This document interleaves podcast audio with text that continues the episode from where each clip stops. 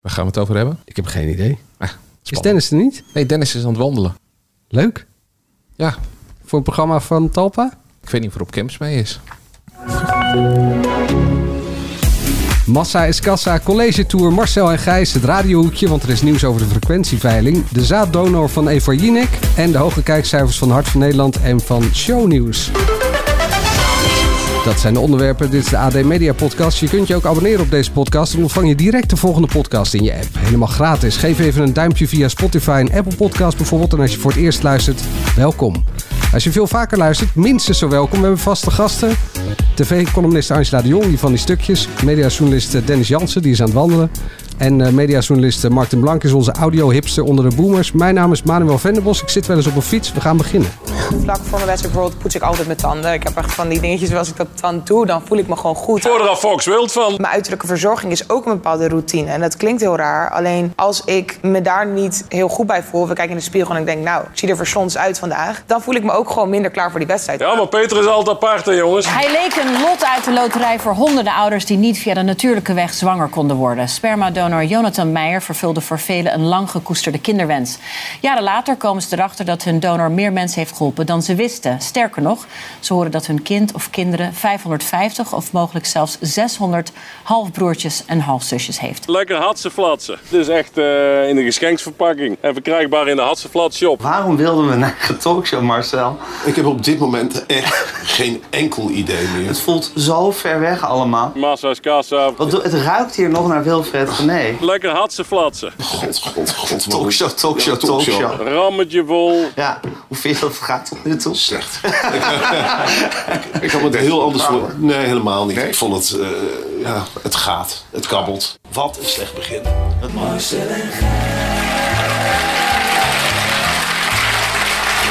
Ja, we moeten het er toch over hebben. Marcel en Gijs gaan we zo meteen doen. Maar eerst de college tour met Jutta Leerdam. Was het nou wel of was dat nou niet eh, leuk? Ja, dat is dan gelijk weer zo'n enorm oordeel wat jij vraagt, eh, Manuel, om eh, binnen te komen. Nou goed, ik vond Eh, het- Galit, ik misschien vond kan jij een betere vraag ja. stellen. vertellen erover. Ik vond het een gemiste kans. En ik vond het te vroeg. Daar kwam het eigenlijk op. Ik vond haar eh, heel erg overkomen als een eh 24-jarig meisje... wat heel erg de weg nog moet zoeken in het, in het leven, wat ze ook is. Maar niet als de powervrouw op de schaats en op Instagram, die ze ook is. Ik had het haar gegund om nog even vijf jaar te wachten met college tour. En Twan was enorm heigerig in zijn vragen. Zoals hij dat wel vaker is. In de zin van?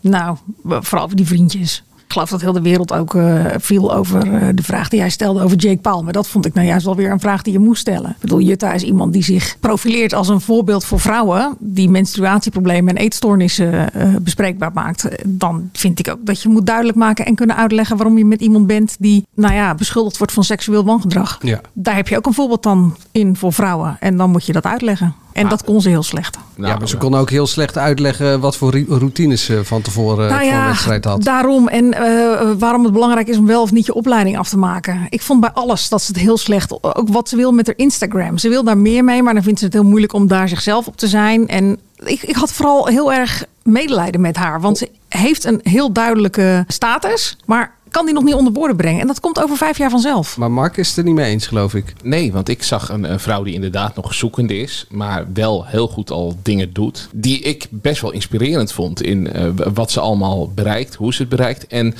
die het ook gewoon duidelijk kon maken dat het niet eh, een, een strak plan is dat je hebt, maar dat het soms ook gewoon zoekende is. En het advies dat ze op het einde gaf, eh, zet je ego opzij en luister naar anderen, luister naar adviezen. Ik vond het eigenlijk een van de sterkste adviezen die ik van al die gasten die voorbij eh, zijn gekomen, heb gehoord bij College Tour. Dus ik vond het juist wel iemand die inspireert. En ook, eh, ik, ik vind het juist dat Jutta Leerdam er nu al kan zitten, omdat ze voor heel veel meisjes ook een inspiratiebron is. We zien daar veel te vaak gewoon, eh, ja, de- wat zou ik zeggen? Bejaarden. Oude, ja, oude mensen zitten waar, waar ja, je gewoon niet meer tegen opkijkt. En zij is nu in de kracht van haar leven. Kijk je tegenop. Nou, dat hoop nou, ik niet voor haar. Dat, dit, dat het hierna alleen maar bergafwaarts gaat, toch? Nou ja, ze is twee keer wereldkampioen. Ja, maar ze is pas 24. Dus als ze nu in de kracht van haar leven is, dan zou ze op de 34ste niks meer kunnen. Nee, nee, dat zeg ik niet. Maar ze is nu... Dat suggereer je wel met die. eh Nee, met maar die ze is nu wereldkampioen. Je, je kan niet... eh, Boven wereldkampioen zit niks meer. Ja. Dus ze zit Olympisch kampioen, hè? Ja, oké, dat, dat, dat kan ze nog worden. Dat, eh, dat is zeker waar. Maar nee, ik, ik, vond het, ik vond het een fijne uitzending. En, In een ik- sport die er niet toe doet. Maar goed, dat is een hele dit, dit, dit vind ik zo. Ja, dit is echt flauw. Want kijk, als, als je het hebt over een marathonschaatsen, 10 kilometer, 5 kilometer, misschien oké. maar eh, die 1000 meter is gewoon een internationaal groot eh, veld. Het is niet een sport waar helemaal niemand aan meedoet. Hè. De Amerikanen doen mee, Zuid-Koreanen doen eraan mee. Dus dit is echt wel een serieuze sport. En dat is heel simpel om dat dan even als afstand, eh, van afstand te roepen als iemand die niet eens eh, rijdend de berg op komt.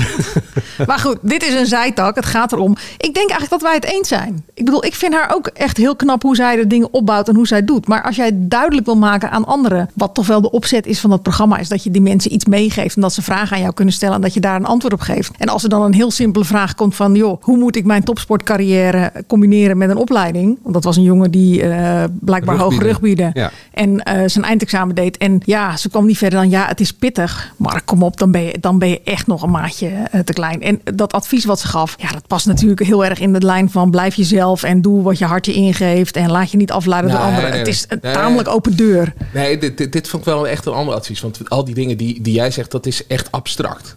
Eh, maar dit is luister naar advies van anderen en zet je ego opzij. Nou, ik zie heel veel mensen om me heen. Maar in hoeverre is dat minder abstract dan doe wat je Angela hart je aan. ingeeft? Nee, nee, nee. Nou, dat is zo abstract. Want wat geeft je hartje in? Maar Ja, en wat is het advies van anderen? Nou ja, de een zegt A, de ander zegt B. En vind daar dan maar eens je weg in. Dat is, net, dat is net zo abstract. Want dan kom je toch altijd weer terug bij het feit dat je je eigen gevoel volgt. Ja, maar dat ego opzij zetten, daar zit het voor mij in. Want ik zie echt heel veel mensen die... Nou ja, daar kan je heel veel tegen zeggen. Gaat het een oor in, andere oor uit. En daarom komen ze niet verder. En dat, ja, serieus. Ik vond dit... Maar ja, wat jij zegt... Wij zijn het voor mij wel eens dat als zij over vier jaar er had gezeten... dat ze waarschijnlijk een sterker verhaal had gehad. Ja, waar je eh, echt wat aan had. En waarvan je dacht, ja, je hebt nagedacht over wat jij wil met je Instagram. Wat jij wil bereiken ermee. En je wil verder gaan dan alleen maar dat ene perfecte plaatje van je kont. Ja, dan heb je meer mee te geven dan nu. En ik vond het nu, hoe heet het, aan de andere kant zat ik me ook echt heel erg te ergeren aan eh, die toch wat oude mannen. Die gewoon helemaal niks begrepen van zo'n jong meisje met dat Instagram gedoe van... Erbe eh, Wennemars, en Bert, Bert, Maalderink. Ja, maar ik zit ook in dat kamp. Want ik snap daar ook niet zo heel veel van. Maar ik was juist wel benieuwd naar die andere kant van haar. Omdat zij dat zo heel knap weet te combineren. Ja. Maar, dan wil ik wel iets meer info. En dan hoop ik ook iets meer van haar te zien. En dat, maar ik denk echt dat het een kwestie ook van, van leeftijd is. En van durven. Jezelf meer durven laten zien. Dat zei, dat zei ze toch ook over die eh, rol die ze had op social media. Dat ze het daar heel moeilijk vindt om daar wel iets kwetsbaars te laten zien. Nou ja, maar, maar dat vond ik. Maar misschien is College Tour daar niet het juiste podium voor. Daar zijn we misschien dan wel over eens. Ik vond het wel goed om te horen dat ook al heeft iemand 4 miljoen eh, volgers, dat zij ook gewoon zoekende is van ja, hoe kan ik mezelf zijn op Instagram? Vond ik een eh, fijne Of hoe kan ik eh, dat bereik nog groter weten te maken? Eh, Nee, daar ging het niet over. Zij had echt eh, eh, moeite mee van voor de camera. eh, als, als die Bert Maalderink mijn vraag stelt, dan kan ik overal over praten en dan ben ik mezelf. En zodra ik op Instagram eh, zit, dan, ja, dan ben ik zoekende. En ik weet vond het juist heel paradoxaal. Want ik dacht van dat is, je stelt nu een soort tegenstelling. Terwijl ik denk het is veel makkelijker juist om op die social media jezelf te zijn. Dan dat je voor een camera staat en antwoord moet geven op het- iemand anders, van vragen van iemand anders. Ja, tenzij dat het commercieel niet, eh, niet eh, interessant is. Nee, ja, maar het is, Maar goed, dit is toch eh, is precies waar al die jongeren nu mee eh, worstelen. Dat ze het perfecte beeldje op, eh, op, op Instagram willen hebben. En waardoor je nooit eigenlijk echt iets van jezelf toont. Ja, dat is waar. Maar waarom zou ze dat dan tegen Bert Maalderink niet durven doen? Nee, dat, daar is ze gewoon eh, de, de, de Jutta die ze altijd is. Ja. En daar flapt alles er gewoon uit. Maar ja, als jij heel lang over je postje kan nadenken, ja, dan wordt het niet echt heel oprecht. Ja. Dan het eh, onbekende. Afgelopen vrijdag, aflevering 4, houdt nog eh, 528.000 kijkers over. Anoniem op eh, NPO 1 scoort 200.000 hoger. En 2 voor 12 pakt de hoogste score van vrijdagavond om half negen met een dik miljoen. Ik had twee vragen voor Dennis, dus misschien als hij terugluistert, dan eh, kan hij nog antwoord op geven. Eh, kijk je nog? En is het nog leuk? Dat is vraag B dan. Maar, en dan vraag 2, wordt er een tweede seizoen besteld? Ik weet niet of jullie er antwoord op kunnen geven, anders gaan we gewoon door. Nee, dit hoor je eh, vol. Is volgende week Dennis er wel of is hij dan nog een keertje weg? Ik heb geen Ja, idee. ik dacht dat hij er drie weken niet was. Ja? Dat staat mij bij, maar Ja, ja ik ben. Is eh, zijn grote vakantie nu begonnen? nee. hij heeft allemaal dingen te doen. Nee, ik zit de hele tijd met die telefoon aan mijn oor, want ik moet het overnemen van hem. Ik, eh, Hij is nog niet gegaan anders, eh, ik weet niet. Nee, ik zet hem wel netjes uit. Oh, ik heb het niet gezien vrijdagavond. Ik was er niet. Ik Nee. had ook geen behoefte om het terug te kijken. Ik vind er werkelijk geen zak aan. nee. Dus dat lijkt me het antwoord op de vraag of RTL een tweede seizoen moet bestellen. Niet doen. Dus ik zou zeggen niet doen. Ze hebben Maar het ook goed. van blow-up gedaan. Dat is ook waar. Straks gaan we het natuurlijk hebben over de hoterne grapjes van eh, Gijs Groenteboer en de verdwijnende observaties van Marcel van Roosmalen over de hoofd van de SBS-kijker vlogen. Of dat ze aankwamen. Maar eerst vier gedupeerden van spoorloos eisen schadevergoeding, Angela. Ja, de zaak was weer even weggezakt, denk ik, hè? Over Ja? spoorloos en Ik- alles. Je gooide het in de app en ik dacht, hè? Ja, Eh, ja, vooral omdat ik dacht van, oh ja, dat speelt ook nog. En we horen er heel weinig over. Hoe zou het met onderzoek zijn? Nou ja, dat loopt nog, begreep ik uit het stukje. Want eh KRO en NCV wil dat eerst afwachten. Dat zal natuurlijk alles te maken hebben met of ze aansprakelijk zijn of niet. En ja, weet je, ik verbaas me er altijd een beetje over dat ik eh, vind dat de KRO zo weinig empathie en compassie uitstraalt met die deelnemers. Zal misschien achter de schermen wel zijn, maar oh, ik heb ze hebben wel een hele campagne met eh, Doe eens lief of een lief gebaar. Of, maak, maak de wereld mooier, Ja. Liever, geloof ik toch? Maak morgen, Ja, maak nee, morgen liever. dat is de slogan. Maar ze hebben nu een, een eh, campagne met eh Ja, nou ja, het een is het gebaar. Gaat googelen. Doen jullie even wat voor jezelf? Ja, misschien tot Angela de telefoon kan opnemen. Ja, ik moet nog eventjes opnemen, zag ik. Ja. Een lief gebaar. Met allemaal radiopresentatoren die iets zeggen. Had jij van de radio even moeten weten. Ja, sorry, ik was niet helemaal eh, erbij. Ik eh, was mijn appjes aan het lezen. Maar dit gaat meer, kijk, er kan van achter de schermen kan er van alles eh, gebeuren. Maar dit gaat meer om de beeldvorming naar buiten. Ik vind ze er nog steeds heel erg kiel en cool op reageren. Op die toch behoorlijk schokkende eh, feiten die daar naar boven zijn gekomen. Over hoe spoorloos verkeerde mensen aan eh, verkeerde ouders heeft gekoppeld. Ja, dat is zo bazaal. Hakt dat in in de mensenleven. Dat je denkt van ja, daar moet je alles aan doen om daar die mensen enigszins tegemoet te komen. En als ik dan het bericht lees dat ze het onderzoek afwachten, dan denk ik altijd ja, het is allemaal zo kil. Ja, wat hadden ze dan moeten doen? Nou, meer naar buiten uitstralen. Kijk, iedere keer als ik aan spoorloos denk, denk ik toch aan die Dirk Bolt eh, bij Galit en Sophie. Die werkelijk niet snapte eh, waar de kritiek vandaan kwam. En hij had toch zijn leven gewaagd voor dat programma. Dus het was toch allemaal niet zo heel erg, want hij had zijn best gedaan. Ja, en ze, slaan, ze slagen er niet in bij mij om dat beeld weg te nemen. Iedere keer als ik zo'n bericht lees, dan zie ik weer een koude kille Caro en CV die eh, niet helemaal lijkt te begrijpen waar het om gaat. En staat het programma nu ook eigenlijk on hold? Of, of dat niet? Nee hoor, het is gewoon een nieuw seizoen. Dus er pas uitgezonden. Oh, dat is alweer... eh, Ja. oh, goed. Goed opgelet, Manuel. Ik, ik ben erbij hoor. Nee, ja, ik zit inderdaad op die zender. Eh Massa is Kassa, dat, dat is een goed bruggetje dan. Seizoen 10 is onderweg eh, met eh Patje Peter Gillis. maar zonder de Nicoleke natuurlijk. Ja, Ja. Ik, ik vind het zo raar dat dit nog uitgezonden wordt. De, de kijkcijfers zijn al niet eens zo bijzonder meer. Dan heb je een man waar een stevige verdenking van mishandeling eh, van ligt. Er ligt een rechtszaak tegen. Er zijn nog wat meer zaken die rond hem spelen. Waarom, waarom zou je als SBS deze man op de buis willen houden. Ik snap er werkelijk waar niks van. Is er dan, ik snap, vier, eh, drie is te veel, vier is te veel, voor hoe dat programma ook heette, dat is mislukt. En al die andere quizjes zijn mislukt. Maar je kan toch wel, eh, ja, dan geef je desnoods, eh, noem een volkszanger even, een real life soap. Maar dan hoef je toch niet de hele tijd die René Leblanc. zo op... Laten op- we René Ja, Leblanc weer terugbrengen op televisie.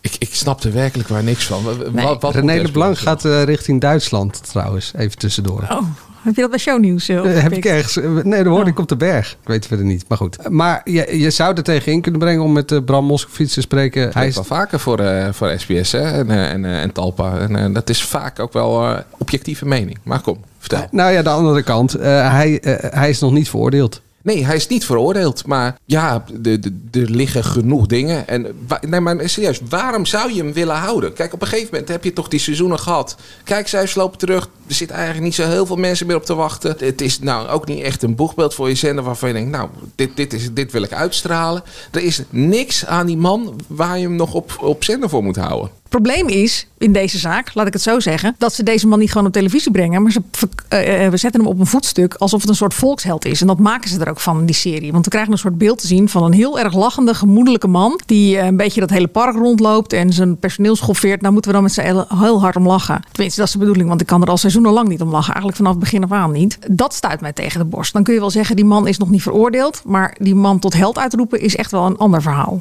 Ja. En dat gaat dan om je eigen morele kompas als zender. En daar ontbreekt het bij SBS aan. Dat je denkt van, dan weet je, zoals bij RTL gedaan heeft bij Danny de Munk, daar lag ook een zeer ernstige beschuldiging. Daar lag ook een zaak tegen hem. Weet je wat, eh, jij staat heel even in de luwte. We kijken weer als het achter de rug is. Hadden ze bij Peter Gillis ook prima kunnen doen. Hadden ze bij Peter Gillis moeten doen. Maar in plaats van daarvan gaat alles gewoon door. Zit Frank Lammers zijn centen te verdienen achter de voice-over. En eh, denkt SBS, weet je, wat kan het ons schelen? Wij maken gewoon een vrouwenmapper, eh, verklaren wij tot eh, held van het volk. En dan denken wij mensen lachen, had ze flatsen. Vind, eh, vind je daar ook wat van trouwens? Dat Frank Lammers gewoon die voice-over stug blijft doen? Als ik hem was, zou ik mezelf niet in de spiegel kunnen aankijken. Maar goed, het verbaast me wel vaker over wat mensen doen in Hilversum en waar ze mee wegkomen. Dus ja. Ja, 29 augustus moet hij voorkomen. Dus het zou ook misschien een soort denken van... nou, eh, laten we deze serie, die hebben we toch al gemaakt, nog even uitzenden. Ja, ze hadden ook de vorige dan- keer kunnen bedenken. Dat moeten we niet doen. En de keer daarvoor. En de keer daarvoor. En ze hadden eigenlijk al kunnen bedenken toen ze begonnen met hem. En de Fiat net bij hem was binnengevallen. Hmm, misschien is dit toch niet helemaal het type wat we op onze zender willen. Maar ja, het enige wat ze ermee uitstralen is... eh, jongens, het laat ons allemaal koud wat iemand doet. Als wij er maar eh, geld mee kunnen verdienen. En kijkcijfers mee kunnen scoren. De loser. Gisteravond was natuurlijk eh, de vuurdoop eh, van de zomeropvuller van Vandaag in Zuid. Marcel en Gijs. Het scoorde 611.000. Je hebt natuurlijk eh, allemaal gekeken. Eh Galit, Absoluut. kom er maar in. Kunt u iets vertellen erover? Nou, Angela heeft er een hele mooie column over geschreven. En daar, daar staat van alles in. Maar ze begint daarbij met een opsomming. En ja, die opsomming die was gewoon niet compleet. Dus ik denk, ik vul dat nog even aan. En dan kunnen we het er daarna over hebben. Nou, eh, misschien moet Angela even iets daarover vertellen. Want niet elke luisteraar heeft die column Nee, maar dat komt wel goed als ik deze opsomming. Oh, snap je wel Je moet niet Mark onderbreken. Hè? Oh, Laat. Mark gewoon even Ja. lekker... eh, Ja, want, eh, want deze stond in de opsomming van Angela. Wendy van Dijk en de uitgeputte vrouw in de dansmarathon. Het knappende haardvuurtje met kerst. De broer van Peter de Vries aan tafel bij Vandaag in Zijt. De boze vrouw die naar Frans Bauer te, eh, zei te gaan. Maar eh, eh, toen ik Jagger corona had. Alle afleveringen van Vier is te veel. Het presentatieduo Britt Dekker en Martien Meiland. De prijzenbod in Million Dollar IJ- IJsland. De chemie tussen Jan Verstegen en Patty Bart. Volwassen mensen die knikkeren. Vol mensen, mensen die met autootjes spelen. De mening van Bram Moskowitz over talpa-aangelegenheden. Peter Gillis in de buurt van een vrouw. Achter schapen aanlopen met BN'ers. Heel veel andere dingen met BN'ers en een prijzenpot. De avonturen van onder meer André, Andy en Melissa. Of wat andere mislukte volkszangers. Liedjes zingen van André met op de bank Rachel. In de auto liedjes zingen door onbekenden met bekende bestuurders. Beersjoelen toen ik en Simon nog samen waren. Interieursraden van onbekende mensen met Kees Tol. Onbekende mensen die niet kunnen zingen met rapper Donny. Een schreeuwende Rob Kemps. Raden van dingen die in een box kunnen zitten. Simspoppetjes die kunnen zingen en dansen. Dans op tafel bij de talkshow van het zoontje van de baas. Jeroen van de Boom die een ode zingt dan. Nou ja, wie dan ook. Eh, nog een aflevering van Komt een man bij de dokter. Frank en Rogier nog samen. Frank zonder Rogier. Rogier zonder Frank. De hond van Frank zonder Rogier. De hond van Frank zonder Frank. Gordon. Dat was allemaal spannender op SBS dan deze talkshow. Nou, slokje water, Mark. Ja, Kijk, dat kon ik allemaal niet opschrijven natuurlijk. Want Nee. ik heb maar 450 woorden. ja. Dat is het En dit past er niet in. Nou, ik, ik ben het gewoon totaal niet met jullie eens. Ik vond echt, Gijs Groenteboer is echt de, de koning van de, van de autocue. Daar kan Bo van Erven Dorens nog een puntje aan zuigen. En bijvoorbeeld eh, die rubriek van Marcel van Roosmalen. Ja, dat is gewoon echt, hoe ze daarop zijn gekomen. Dat is echt het meest briljante wat je ooit op televisie hebt gezien. Het is namelijk de blik van Roosmalen. En dan, dan komt er gewoon een stapel ja, hoogtepunten van de afgelopen televisie komt er dan voorbij. En ja, hoe ze dat dan bedacht hebben. Ze hadden het ook de visie van Roosmalen kunnen noemen. Dat hij er dan ook nog iets over kon vertellen. Maar nee, ze hebben gekozen voor de blik. En dat is gewoon echt ja, briljant. Ja. En de kurk waar dit programma op drijft. Het gaat ook echt met een snelheid. Daar kan Wilfred Gené nog een puntje aanzuigen. Maar de kurk waar dit programma op drijft is Jan Slachter. Dus ik hoop dat hij eh, ja, gewoon vaste gast is. En gewoon altijd enige gast is. Ja, dan blijft het gewoon werkelijk een, een fantastisch programma. Het heeft nu 611.000 kijkers gescoord. Ik denk dat iedereen bij het koffieautomaat andere collega's hebben overtuigd. En dat het vanavond nog wel eens verdubbeld zou kunnen worden. Want ja, hier praat je gewoon over. Dit is gewoon het programma waar je het over wil hebben. Zullen we Angela nu laten? Ik geef je helemaal gelijk. Ik kan niet wachten tot het half er- tien is. Ik Dat kan wou ik nog gewoon zeggen. niet. Ik kan gewoon niks hier tegen inbrengen. Je hebt helemaal gelijk, Manuel. Ja. Nou, ik ben ook overtuigd nu. We gaan kijken eh, vanavond weer. 1,2 Wat worden de kijkcijfers morgen? miljoen. 1,2 miljoen?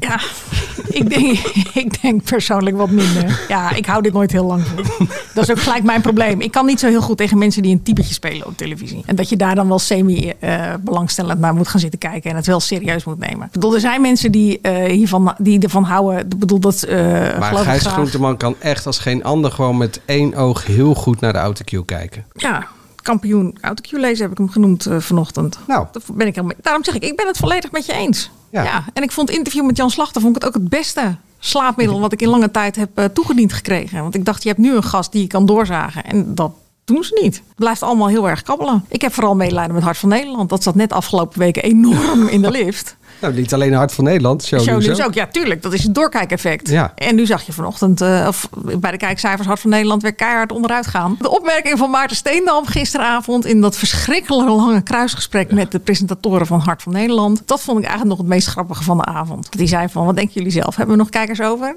Ja. dacht ik, ja, die voelt het ook aan. Je zag ook echt dat ongemak. En er zijn, nogmaals, er zijn mensen die daarvan houden en die er door die vier lagen ironie heen prikken en door het diepe sarcasme. Ja, geef mij toch maar gewoon Johan Derksen, die, eh, zoals mijn vader altijd zei, glad van zijn reet praat. En die gewoon zegt wat hij vindt. Daar heb ik meer mee dan mensen die het in een heel wollig betogen en dat ik er dan zelf maar moet eh, uitvissen wat ze er echt van denken.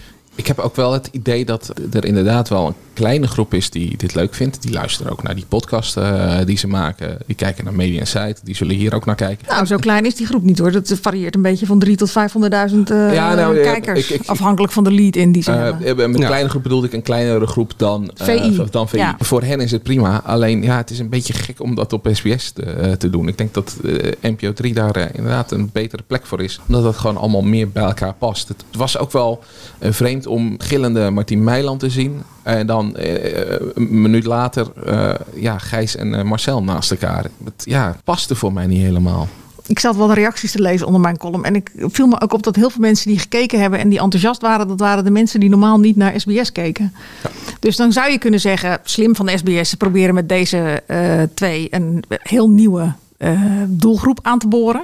Maar ik vroeg me af, wat heb je daaraan als je die doelgroep voor de rest niks geeft? Want het is inderdaad Martin Meiland. En vinden die Peter Gillis dan wel leuk? En gaan die opeens wel naar Steenrijkstraat Arm kijken? En naar Hart van Nederland en naar Shownieuws? Nee, wat dus heb je er op de lange termijn hapsnap. aan? Ja, wat, wat heb je er aan de lange termijn, op de lange termijn aan dat je die groep dan tussen half tien en half elf aan je bindt en je bent ze daarna weer kwijt? Ja. En daarvoor ook. Nou ja, je want ze hebben geen band met SBS. Je zou ook kunnen zeggen, eh, wat Mark zegt, er is, een, er is een groep van 3 tot 500.000 mensen die het leuk gaat vinden. Dus dat zal ongeveer de score gaan worden de komende, komende weken. Is een beetje een wilde gok. Kunnen we beter dat doen, vier weken lang, dan dat we, wat ik ook eh, heb, heb gehoord, is bijvoorbeeld Merel Eck en ehm, Sam Hagens, Hagens. eh, voor de leeuwen gooien. En dan scoren die slecht en dan zijn ze voor de rest eh, van hun carrière afgebrand. Nou ja, of inderdaad eh, zeggen van hé, hey, we geven ze als een zomervulletje de kans om zich te ontwikkelen. Dat, dat lijkt me minder erg dan dat eh Primetime Show krijgt en eh, daar ga, ga je Dan, onderuit. dat is in ieder geval wel iets van de doelgroep die je aan je bindt de hele avond. Die dus wel naar Martien Meiland kijkt. Die zijn die twee al gewend.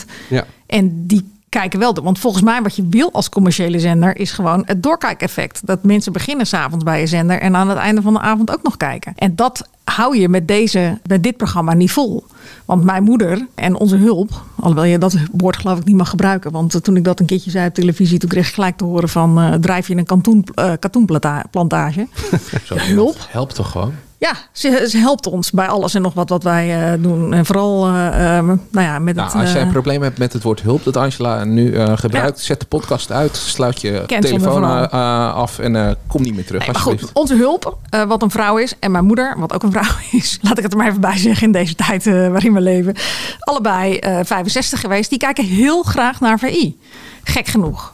Eh. Want mijn moeder is een keurige christelijke vrouw, maar die lacht iedere avond zich een breuk om Johan Derksen. Die vindt het eigenlijk het enige leuke wat er was op televisie de afgelopen periode.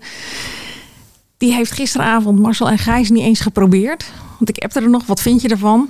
Ja, ik heb het niet eens gekeken, zegt ze. Ik word al gek van die stem van die groenteboer. Daar moest ik eigenlijk nog hard om lachen, want mijn moeder denkt echt dat die groenteboer heet. nog. Maar dat zegt wel een hoop, weet je wel. Dat zijn mensen die dus wel blijkbaar heel trouw aan je zijn. Mijn moeder kijkt ook graag naar Meiland. Mijn moeder kijkt zelfs af en toe stiekem naar Peter Gillis. Zegt ze niet tegen mij, maar vond ze in ieder geval eh, tot een paar seizoenen geleden wel leuk. Urk vindt ze heel leuk. Dat is het publiek wat heel erg graag SBS kijkt. Ja. En die vervreemd je nu eh, wel de komende vier weken echt van je. Ik bedoel, ze komen wel weer terug op het moment dat Helene begint. Want die past natuurlijk wel helemaal in het pulletje. ja. Ik snap gewoon niet zo heel goed wat SBS hier op de lange termijn mee denkt te winnen. Korte termijn opvallen. Ja, en dat het erover gaat, rumor about brand. Ja, dat Ja. zal het dan wel zijn. Dit is het radiohoekje. Dus Angela, even je mond houden alstublieft. Ja, in dit geval mag je meepraten hoor. Het mag wel, maar het is wel een ingewikkeld onderwerp. Ik ga eerst gewoon luisteren naar Mark, denk ik. Er is namelijk nieuws over de frequentieveiling. Ja, eh, allereerst het eh, grootste nieuws is eh 4 juli begint die. Dan, eh, Goeiedag. Ja, perfecte dag. De veiling? Ja. Krijgen we dan eh, Alexander Pechtold met een veilinghamer? Gaat hij dan afhameren? Het zijn volgens mij gewoon eh, mannetjes die achter een, eh, misschien ook vrouwtjes, eh, die achter een eh, bureautje zitten, naar een computertje zitten te kijken en eh, dan zien hoe er geboden wordt. En Maar dat, 4 juli ben ik eh, jarig. ik had het door. Gefeliciteerd alvast. En dat, dat kan wel een week duren eh, voor, voordat er duidelijkheid week? is. Ja, want het, het gaat per opbieding. Dus uiteindelijk, ja, elk kavel. Er zijn negen kavels. Dat zal ik even uitleggen. Dat zijn de FM-frequenties eh, die nu ook al eh, in gebruik zijn. Twee daarvan hebben een clausule. Dat is BNR Nieuwsradio. Daar moet nieuws op te horen zijn. Dus dan moet een soort van concurrent van eh, Radio 1 zijn. Er moet een eh, zender Nederlandstalig draaien. En het mooie is tegenwoordig, de andere zeven zijn volledig ongeclausuleerd. Er zit nog één eh, maar bij. Eén bedrijf mag maar drie kavels hebben. Ja, en niet alle FM-frequenties hebben even goed bereikt. Dus sommige zijn in Brabant minder te goed te horen of in Limburg. Dat weet ik niet precies. Maar daarom zijn al, sommige FM-frequenties aantrekkelijker dan andere. Maar die bieding gaat dus binnenkort beginnen. Iedereen heeft zich nu al moeten aanmelden. Dus kunnen geen nieuwe spelers eh, meer bij. DPG Media, het bedrijf waar wij allemaal voor werken op dit moment bij deze podcast. Dat heeft Q-Music en eh, wil graag uitbreiden op radiogebied. Dus eh, wil meer. Dan hebben we Talpa, het bedrijf waar Manuel Anders eh, bij werkt. Die heeft Radio 538, Sky Radio en Radio 10. We hebben net Veronica verkocht. Ja, ja, ja, dat klopt. Eh, die is naar het mediahuis toe. Die hebben Veronica, ik denk ook 100% NL, Slam en Sublime. Sublime. En dan hangt er nog eentje, denk ik. Kink. Eh, ja, Kink, maar die zit niet- nog niet op de FM. Ja, BNR Nieuwsradio hebben we natuurlijk ook nog. Ja. dat zijn de, de, de partijen die al waren. Nou, eh, met Kink heb je een, een nieuwe speler. Die eh, heeft ervoor gezorgd dat die radiomarkt opgebroken is. En die willen graag zo'n FM-frequentie kopen. Kunnen die dat betalen? Ja, dat is dus spannend. Want er zijn ook twee andere partijen nu opeens bijgekomen. Eén heet de Bouwer Media Groep. Bauer Media Groep? Ja, dat is een Duits Niet bedrijf. van Frans. Nee, nee, nee, en ook niet van Bob. Maar dat, dat is een Duits Serieus bedrijf. ja, een serieus Duits bedrijf. Ik geloof een omzet van boven het miljard. Daar zitten allemaal eh, grote radiozenders onder. En een ander bedrijf, Global. Ook, ook een bedrijf met een enorme omzet. En daar zitten ook allemaal grote radiozenders onder. Dus dat zijn in het buitenland al serieuze spelers. Maar die willen dus nu ook naar de Nederlandse radiomarkt. Nou, wat je merkt, we, hadden het dus al over DPG, Mediahuis, Talpa en Kink. Zullen we dan voor, de, voor het gemak even bij eh, noemen. Die willen van die zeven vrije plekjes misschien acht. Omdat 100% NL, eh, dus de Nederlandse plek, ja, die is ook wel ja, uit te zenden, zal ik het zo zeggen. Van, voor de acht plekjes heb je al vier Nederlandse kandidaten die allemaal twee of drie willen. Nou, dat past al niet. En dan komen er ook nog twee buitenlandse spelers bij. Dus Ja. Die markt is overvol. Ja, dat zou dus kunnen betekenen dat er grote zenders gaan verdwijnen. Stel, die, die, die buitenlandse spelers gaan echt met geld smijten. En wat voor radiozender krijgen we er dan bij? Bijvoorbeeld KISS, Hard Radio, dat soort stations die in het buitenland al succes zijn, die zouden erbij kunnen komen. Dus dat ze daar een Nederlandse variant kunnen gaan eh, maken. Maar wat natuurlijk ook zou kunnen, bij Talpa is het een beetje de vraag van, uh, John de Mol wil het bedrijf verkopen. Dat, dat eh, weten we inmiddels. Die mislukte overname van RTL, door RTL is geweest. Er zijn al wat dingen van de hand gedaan. Ze hebben een rechtszaak aangespannen omdat ze de startprijs bij de veiling, eh 158, de- het kavel daarvan kost 15 miljoen, vonden ze te duur. Maar dat is de startprijs. Dus daar gaan ze waarschijnlijk ver nog boven zitten qua bedrag. Maar dat vond Talpa al te duur. Ja, het kan ook zijn tot een global zegt van... eh hey, wij eh, gaan voor die zenders en we gaan die gewoon overnemen van Talpa. Dus dat die zenders wel blijven bestaan, maar dat die andere eigenaren krijgen. Dus dat is ook nog een optie. Maar ja, je kan ook voorstellen dat ze zeggen van... hey, we gooien liever onze eigen merken. En dan nog een, die kleine zender Kink. Hoe kan die nou 15 miljoen bijvoorbeeld betalen? Dat wordt heel spannend. Ja, er zijn twee mogelijkheden. Of ze hebben echt diepe zakken, of er zit een grote speler achter. Je denkt het laatste toch? Ik denk het laatste, ook omdat ik ben bij de rechtszaak geweest die, die er toen speelde. En toen werd er ook wel echt gezegd van... Hey, de, dit is, zijn onze jaarrekeningen, maar we hebben nog een partij achter ons. Daar gaan verhalen over. De, ehm, Mojo werd genoemd, maar daar ja, heb ik gisteren mee gebeld. Die, die ontkennen het een beetje, dat, dat die er iets mee te maken hebben. Liberty wordt genoemd, maar dat is echt speculeren. Dat is een bedrijf dat onder andere achter Ziggo Sport, Vodafone Ziggo en dat soort dingen zit. Waarbij je weer zou kunnen denken, Vodafone Ziggo, die hebben dat ook met evenementen, Kink. Nou, dat zou samen kunnen. Maar ja, dat is allemaal eh, speculeren. We weten het niet. Het kan ook zijn dat Kink bij een van die grote spelers die er nu bij komen, dus zo'n Global Bauer. of een bouwer, Ja. dat ze daarmee samenwerken. Dus ja, dat, we weten het op dit moment echt niet. En daarom wordt het ook zo leuk, die veiling. Op het moment dat die veiling begint, dan weten we opeens zoveel doen er mee. We weten nog niet eh, wie, wie er biedt en, eh, en eh, wie de hoogste bieder dan meteen is. Maar dan weten we opeens van, hey, vanaf 4 juli, ja, die hele radiowereld. Dan vallen alle ehm, de gordijnen eraf, Ja. zeg maar, van alle... Ja, dan Maar wanneer eh, hoort de luisteraar dan iets anders? dacht dat dat september was, maar dit, dit, dit, dit antwoord heb ik niet voorbereid. Zo Dus, snel? Ja. Nou ja, laat ik er niks over zeggen, want ik heb er niet zoveel verstand van radio. Nee, doe Maar maar. ik dacht 2024. Ja, nou, maar dit eh, kan je nalezen op uh, teletextpagina, weet ik veel. Uh, ik kreeg al een appje van een radioteacher die redelijk in paniek was. En die stuurde mij, dit wordt een bloedbad. Dus. Oké, okay, want worden dan ook misschien weer losse radio-dj's weer weggekocht door zo'n bouwer of zo'n Global? Nou ja, stel... Dan moeten die zender weer gaan vullen. Uh, stel, Global koopt een kavel en zegt wij doen haar, daar onze eigen zender op. Kiss Radio bijvoorbeeld. Bijvoorbeeld dan willen ze daar natuurlijk ook DJ's op hebben. En het is niet zo dat ze daar dan uh, DJ's uit het buitenland op kunnen zetten. Dus nee. ja, dat wordt natuurlijk helemaal een... Uh... Non-stop muziek zou wel kunnen natuurlijk. Ja, maar vooralsnog zie ik dan meer mogelijkheden voor de DJ's. Die hoeven ze niet in paniek te zijn. Ze kunnen hun uh, cv's gaan oppoetsen en manager in de arm nemen dat om hun uh, gage op te de, krikken. De, de goede DJ's wel, maar de slechte DJ's die dan op die stations zitten, die gaan verdwijnen. Die blijven en bekijkt achter. Iedereen komt altijd weer terug, is mijn ervaring in Radioland. En sommige DJ's hebben ook gewoon liefde voor de zender. Hè? ja, daar, dat, nou, laten we hopen dat het uh, goed gaat voor ze. Moeten we het nu nog een keer uh, over de kijkcijfers van Hart en Show hebben? Nee, hebben we net al gehad. Hebben we net al gehad. Okay. Nou, ik dacht echt eventjes en ik was echt verbaasd. Want ik heb ooit wel eens geroepen van uh, Hart van Nederland haalt nooit meer de cijfers van vroeger. Ik heb me echt zitten verbazen de afgelopen weken over hoe steady ze omhoog gingen. Nou had natuurlijk VI had echt zijn beste periode. Die zaten ze ongeveer iedere avond boven het miljoen. Maar ze gingen toch mooi met 700.000 kijkers mee. Ze zaten boven Jinek, boven op één. Ik dacht nou, dit is echt uh, paas en Pinksteren vallen op één dag zo ongeveer. Zeker. Uh, Shownieuws dat ook, heeft ook marktaandelen van 25 procent. Ja, dus ik was echt verbaasd daarover. Maar ja, het hele betoog kan de prullenbak in. Want nu is de lead in weg. En nu zakken ze weer terug. Ja, maar in de zomer even Gewoon naar 500.000. Nee, de zomer is van oudsher de best geworden periode ja. van uh, Hart van Nederland. Maar nu niet meer. Angela's etalage. Angela de Jong. Angela de Jong. Etalage van Angela waar je wel in wil staan. Voor de rest valt het eigenlijk best mee. Angela's etalage. Wat staat er deze week in je etalage? Iets van gisteravond, waar ik misschien wel liever over had geschreven dan over uh, Marcel en Gijs. Maar ja, dat was nieuw en dat was een belangrijk programma, een opvallend programma. Dus ik vond van mezelf dat ik daarover moest schrijven. Maar NPO 2 had een fantastische documentaire om half negen s avonds. Oh. Dat is het voordeel dat er dan geen opsporing verzocht is. Of radar. Het is natuurlijk maandag, het is nu dinsdag, maar gisteravond uh, was het radartijd. En die heette Mijn En ik. En dat ging over bijzondere mensen met nog bijzondere huisdieren. Zo was daar een vrouw in Rotterdam, zag ik, als ik de skyline uh, van mijn eigen stad goed herkende. En die heeft een slak van een centimeter of tien, een albino slak. Ja.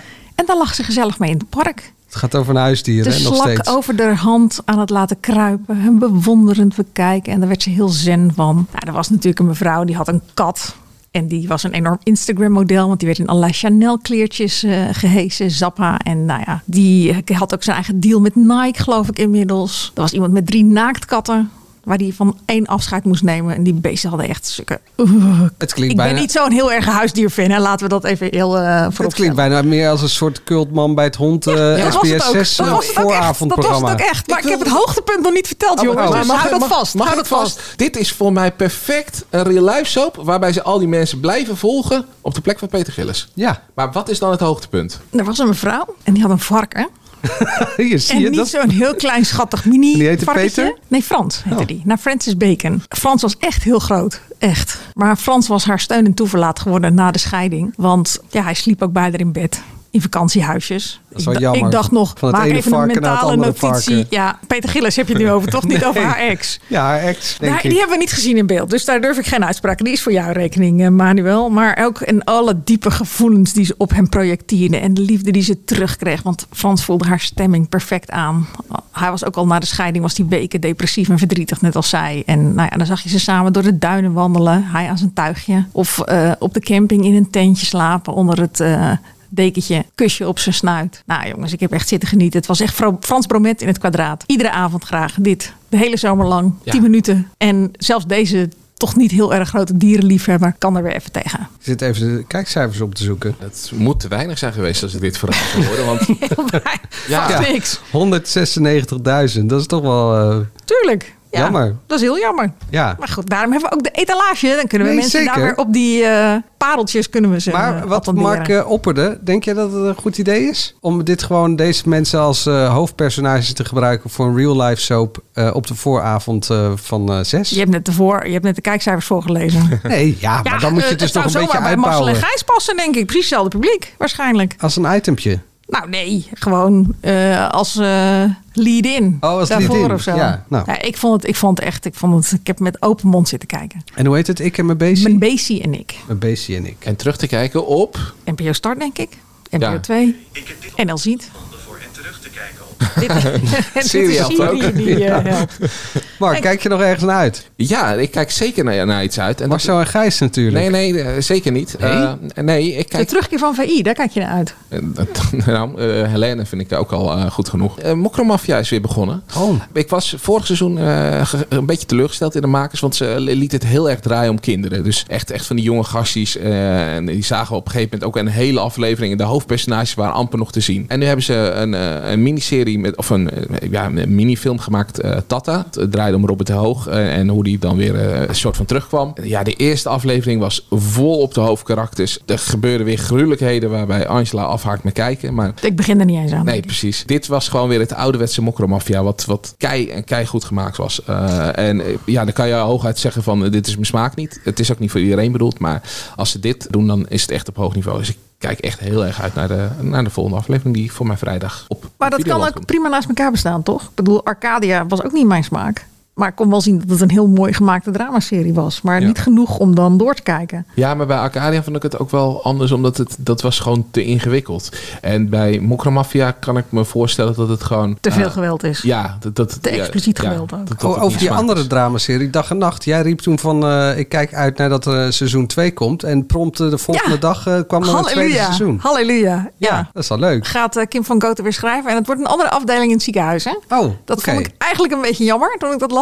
Nee, Want, dan zijn we dan. Benja ook eh, kwijt? Of, of nou niet? ja, de personages komen natuurlijk wel weer terug. Maar goed, dat zal zo langslopend zijn op eh, verschillende afdelingen. Maar gezien het einde dacht ik ook, had ik er wel weer vrede mee. Dat ik dacht van, eh, als we dan af en toe iets te zien krijgen over hoe het nu verder met ze gaat. Maar we hebben daarna weer een heel andere afdeling waar we nieuwe mensen leren kennen. Vind ik het eigenlijk ook wel prima. Ja. Leuk. Waar kijk jij naar uit? Weer een nieuwe dramaserie. Want eh, er begint woensdagavond iets in de plek van dag en nacht. Een nieuwe eh, serie met onder andere Annette Malherbe en Peter Paul Muller. En hij heet De Droom van de Jeugd. Daar ben ik wel echt heel benieuwd naar. NPO 1. NPO 1, half negen 's avonds. Nou, dan eh, verwachten ze er zelf ook echt heel wat van. Ik had weinig promotie ervoor gezien, maar misschien Nee, nee, nee, nee. Er worden wel behoorlijk wat, eh, wat filmpjes is uitgezonden. gewoon langs mij gegaan. En waar ik ook wel benieuwd naar ben, is die komt geloof ik donderdag online. Dat is die veelbesproken docu van eh Fidan Ekies. Oh, ja, over- Schaap over, over de cancelcultuur. Die natuurlijk voor BNN-Vara was bedoeld. Maar die zij niet wilden uitzenden door iets rel rondom Chocozoenen. Ja, Ik heb het drie keer gelezen van die het weekend. regisseur, die, ik denk die Schaap heeft dus eh Chocozoen opgestuurd naar eh, de, Een medewerker van BNN-Vara. ja, of de directie of zo. Eh, en toen kreeg hij een mail terug. En die mail heeft hij dan weer verwerkt in de documentaire... dat hij zelf gecanceld werd vanwege dat cadeautje wat hij had gedaan. En toen heeft hij gezegd, nee, maar het is een grapje. En als ik het goed begrepen heb, dan was het punt dat die persoon gelijk naar de directie of een baas was gestapt en niet bij hem een verhaal had gehaald, toch? Oh. Waarom hij dat gedaan had. Ja, Wat op zich een goed punt is, als zij Jan Slachter gisteren, want ik heb wel opgelet toen we Gijs en Marcel, of Marcel en Gijs, of hoe die mensen ook precies bij elkaar passen. En Media Insight heb, heb ik goed gekeken en die zei van dat er meer eh, was wa- waar binnen Vara over viel, wat niet in de docu mocht zitten. Dus Ja, maar dat dit had maar wel weer toestemming gegeven Ja, ze hadden wel toestemming gegeven. dat hij naar Max ging. Ja. ja. Was in goed overleg gegaan. Ja, ik ben gewoon benieuwd. Donderdag staat hij online. En hij komt eh, deze maand eh, op de televisie, eh, heb ik begrepen. Ik vind het wel elke keer dat de Suzanne Kunzelen er niet heel lekker uitkomt, zou ik het zo zeggen. Zullen we gewoon eens eens kijken wat er precies in zit? Misschien geven we het dan gelijk. Ja, ik weet het niet. Als ik het voorbeeld zo las, dacht ik van ja, ik vind het niet heel schokkend geloof ik. En je had hem gewoon als BNN-Vara kunnen uitzenden. Maar we gaan het zien. Ja. Zaaddonor hebben we ook niet gehad, maar, Manuel. Nee, nou ja, wat stom. Ja, dit moeten we wel even doen natuurlijk. Ja. Dus de zaaddonor van Eva Jinek. Ja, ik, Tenminste, eh, die daar te gast was. Die daar te gast was en die echt een heel enge man was. En ik compleet medelijden kreeg met al die vrouwen en eh, vooral de kinderen die hij eh, bij die vrouwen verwekt heeft. Maar meer Eh, dan 500. Ja, meer dan 600 waarschijnlijk zelfs wel. Maar ik, hoe heet het? eh, ik ga die man, laten we die, dat past niet zozeer in de mediapodcast om eh, zijn daden te gaan bespreken. Waar je het wel over zou kunnen hebben is of Eva Jinek hem wel of niet een podium zou moeten geven. Want dat waren, een, ik kreeg, waren in ieder geval de reacties die ik kreeg uh, naar aanleiding van die column. Ik dacht, laat, hier heb ik een goed podium vooral om te zeggen dat ze dat vooral moet doen. Want volgens mij moeten zoveel mogelijk mensen gewaarschuwd worden tegen hem. En ook andere potentiële wensouders die nog niet eens met hem in zee zouden willen gaan. Maar laat het in ieder geval een oproep zijn om goed te screenen en goed te checken met wie je in zee gaat. Want Want voordat je het weet, is je kind inderdaad eentje van eh, een groepje van 600. En ben je de rest van je leven over je schouder aan te kijken of hij niet toevallig staat te zoenen met een half zusje of een half broertje. Ja, maar op een, de natuurlijke manier inbrengen, dan weet je op zich op een gegeven moment ook wel dat je denkt, nou, dit is volgens mij niet helemaal de Ja. bedoeling van dit hele Ja. principe. Ik zou zeggen, als ik hem één blik had gezien, was ik al bij hem weggerend. Maar dat zou ook alweer iets te makkelijk zijn, denk ik, om over die kinderwens die mensen natuurlijk hebben. En het feit dat het waarschijnlijk dan al jaren niet lukt en dat je ten einde raad bent. En op een gegeven moment denk ik ook zelf al je grenzen voorbij gaat. Eh, Maar dit- om maar die kinderwens te vervullen. Dit zijn toch juist de gasten die Jinek... Absoluut, moet ze vooral doen. Ook vooral voor Jinek zelf, omdat ze in dit interview echt eh, heel knap, ook omdat ze natuurlijk zelf nu behoorlijk zwanger is, zitten je emoties al hoog. Je kon zien dat het er raakte. Het raakte mij ook als eh, moeder. Ik denk dat het jou als vader ook nog extra raakte. Ja. Deed mij ze niks. bleef heel cool. Nee, maar goed, bedoel, ehm, nee, je snapt wat ik bedoel. Ja. Ze bleef heel cool, ze bleef heel zakelijk. Ik vond ze echt een heel goed, aflever, goed interview afleverde. Ik vond sowieso een sterke aflevering, want die mevrouw van GroenLinks die op Volt had gestemd, zat er ook nog.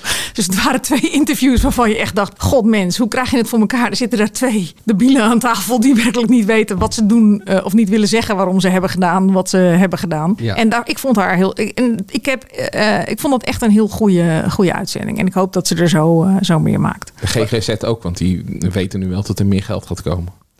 Ja, dat was wel de zoveelste keer deze week, geloof ik. Dat er weer eens duidelijk werd dat er meer mensen ro- eh, lo- los rondlopen dan dat er opgesloten zitten. Heb ik nu eh, niks meer vergeten? Misschien wel, maar dan hoor je het volgende week. Nou, en in het kader van deze ontzettend gestructureerde podcast, wat, Ja. mij, wat ik nog wel even had willen opmerken bij, ja, mezelf, sorry, ik ben niet zo heel scherp vandaag, beetje moe nog. In het kader van Gijs, nee, Marcel en Gijs heten ze. Op NL Ziet stond trouwens Henry en Willem. Ja, hè, dat heb ik ook gezien. ik was het aan het terug. Henry en Willem. Henry en Willem. Maar, wie is dan Henry en wie is Willem? Ja, Henry is dan Marcel, want het is Marcel en Gijs. Ah ja. Nou, Dus Henry en Willem. Maar Ja, dacht, waar komt dit vandaan? Marcel is, dit? toch, Marcel is toch meer een Henry? Ja, ik, ik vind- Marcel ook wel meer een Henry. Ja, Marcel en Gijs. Henry en Willem. Oh, nou, dan zit het goed. Oh ja, zit het goed? Ja, dus het staat goed. Dus daar Ja. was ik al verbaasd over. In het kijkcijferoverzicht werden trouwens vandaag Inside genoemd. Dat vond ik ook al heel Ze apart. begonnen ook in het decor. Ze begonnen ook in het decor van eh, Vandaag Inside. Maar wat ik wilde zeggen nog, is dat ik me... eh Jinek profiteerde natuurlijk gisteravond van het feit dat zij minder kijkers hadden dan eh, VI. Ja. Jinek ging naar 700 en dat heeft al een tijdje niet, eh niet gehad. 125.000 kijkers erbij. En dat verbaasde me, want ik heb van SKO altijd begrepen dat, de man, dat vooral mannen naar VI keken, die daarna graag naar op één gingen. Ja, maar zijn er dus vrouwen die gewoon überhaupt dan naar Jinek gaan? Nou ja, bij Mediastorm hadden ze toen een lijstje dat inderdaad het aantal vrouwen toegenomen is sinds ze bij SBS eh, zitten. Dat misschien moeder. meer kijkers. Ja, maar ik weet niet of hij nou naar Jinek gekeken heeft gisteravond. Het kan ook zijn dat hij gewoon naar bed is gegaan.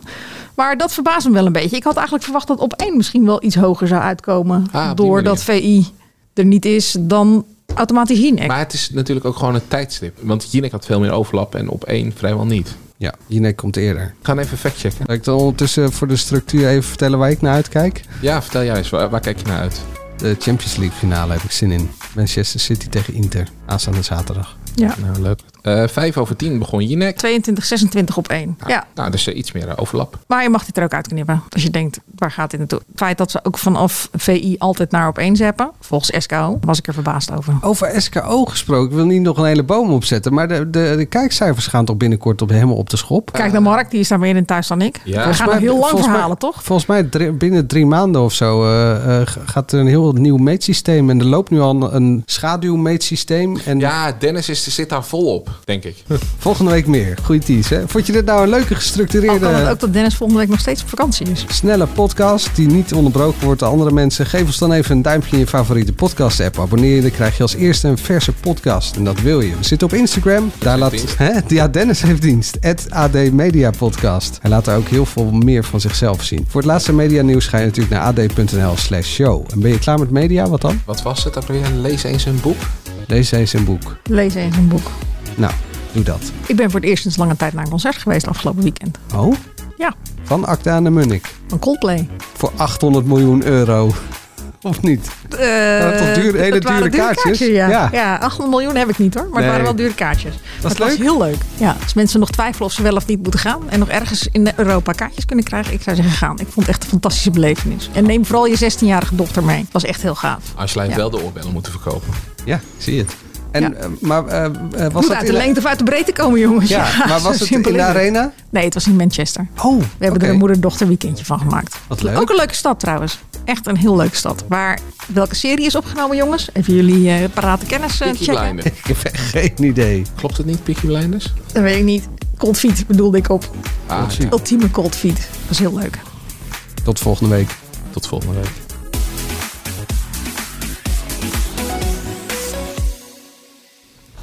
Even Peaky Blinders opzoeken waar dat is opgenomen. Jezus, wat heb ik pijn in mijn kop. En ik moet een Oh, dat het gaan voorbereiden, deze podcast misschien. Ja, misschien de volgende Een keer. dat- checklist. En ik was nog wel te laat voor je. Ach ja, ik heb het zo vaak. Staat hij nog aan? Ja, hij staat nog aan. Oh. We hebben helemaal niet gehad over dat jij gevallen bent. Nee. Ook, we hebben het helemaal niet over de dus nee. Nee. Moeten we het daar ook nog over hebben? Dit is voor de mensen die het niet uit kunnen zetten. Ja. Voor Shodi. Ja. Shodi is nu de enige die nog luistert. Eh, hoe was het? En Ivan. Hoe was het? Hoe was het? Ja. Ik vond het echt heel indrukwekkend om Mhm. daar te zijn en eh, die berg op te fietsen. Elke bocht zie je kaarsjes branden. Ik moest echt op een gegeven moment naar, gewoon naar, de, naar mijn voorwiel kijken en naar het asfalt. Want anders dan, dan, ja, dan raakt het je zoveel dat je helemaal niet meer kan fietsen. Ik kon toch al niet fietsen. Maar je ziet posters van mensen die er niet meer zijn met uitspraken van, van de leeftijd van mijn moeder die zelf ook kanker heeft gehad inmiddels. Want de operatie is goed gegaan. Ze moet alleen nog bestraald worden. Maar ook eh, eh, foto's van kinderen die zo oud zijn als mijn kinderen. Ja, nou ja, Ja. dan ga je gewoon. ga je Eén gewoon open wond zo ongeveer, waar Ja. je dan eh, doorheen Ja. fietst. En iedereen die of die op een fiets zit of die naast de kant van de weg staat, die, daar kan je aan vragen: eh, waarom sta jij hier? En die heeft een, een heftig verhaal. Dus dat is gewoon. Maar is het, biedt het ook iets van troost? Omdat je weet dat je allemaal iets hebt meegemaakt. Dus dat je niet alleen bent in de wereld. Ja. Of niet alleen bent met dit... Ik ga nu de vreselijke zin uitspreken: het mag er zijn. Maar de- waar je normaal misschien een keer, als je daar dichtbij mee te maken hebt en het duurt lang, dat je vrienden op een gegeven moment zoiets hebben. Ja, dat, Nu dit- weten we het nu wel. weten we het wel. Ja. Dat nu weten we het wel, dat is daar niet.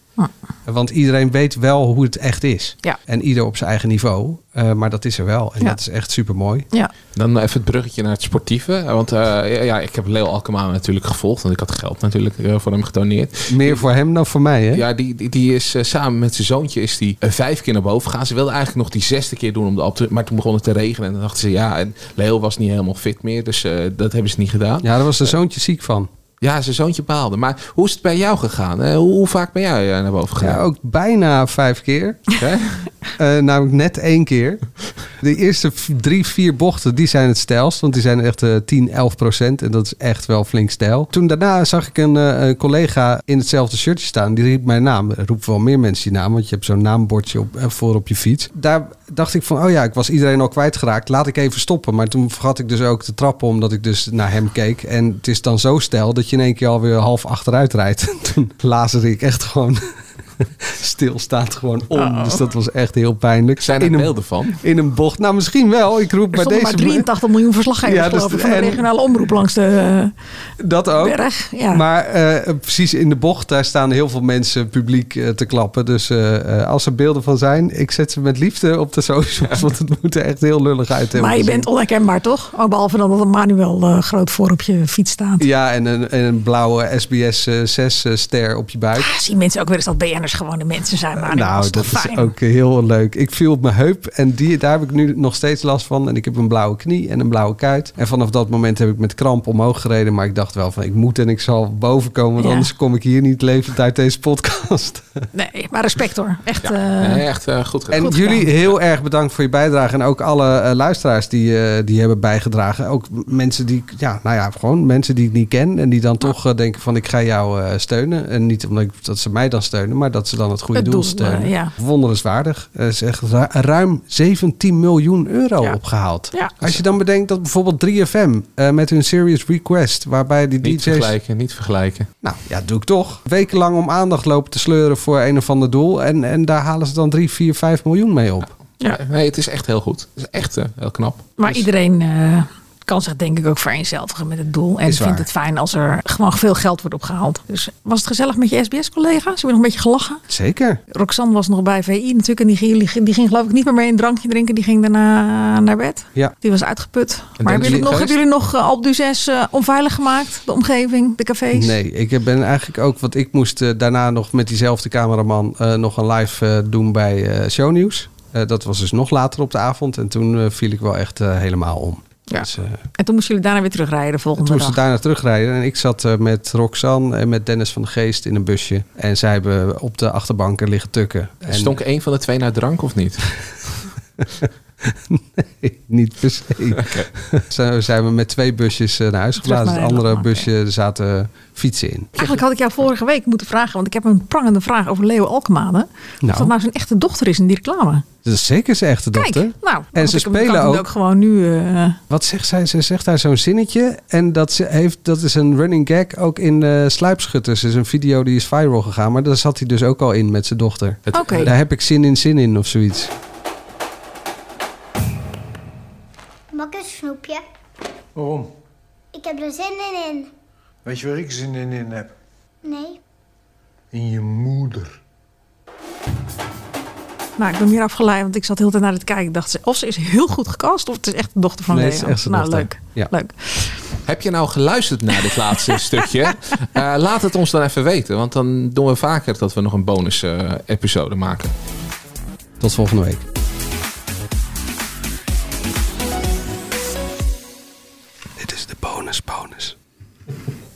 Lees je appje eens voor.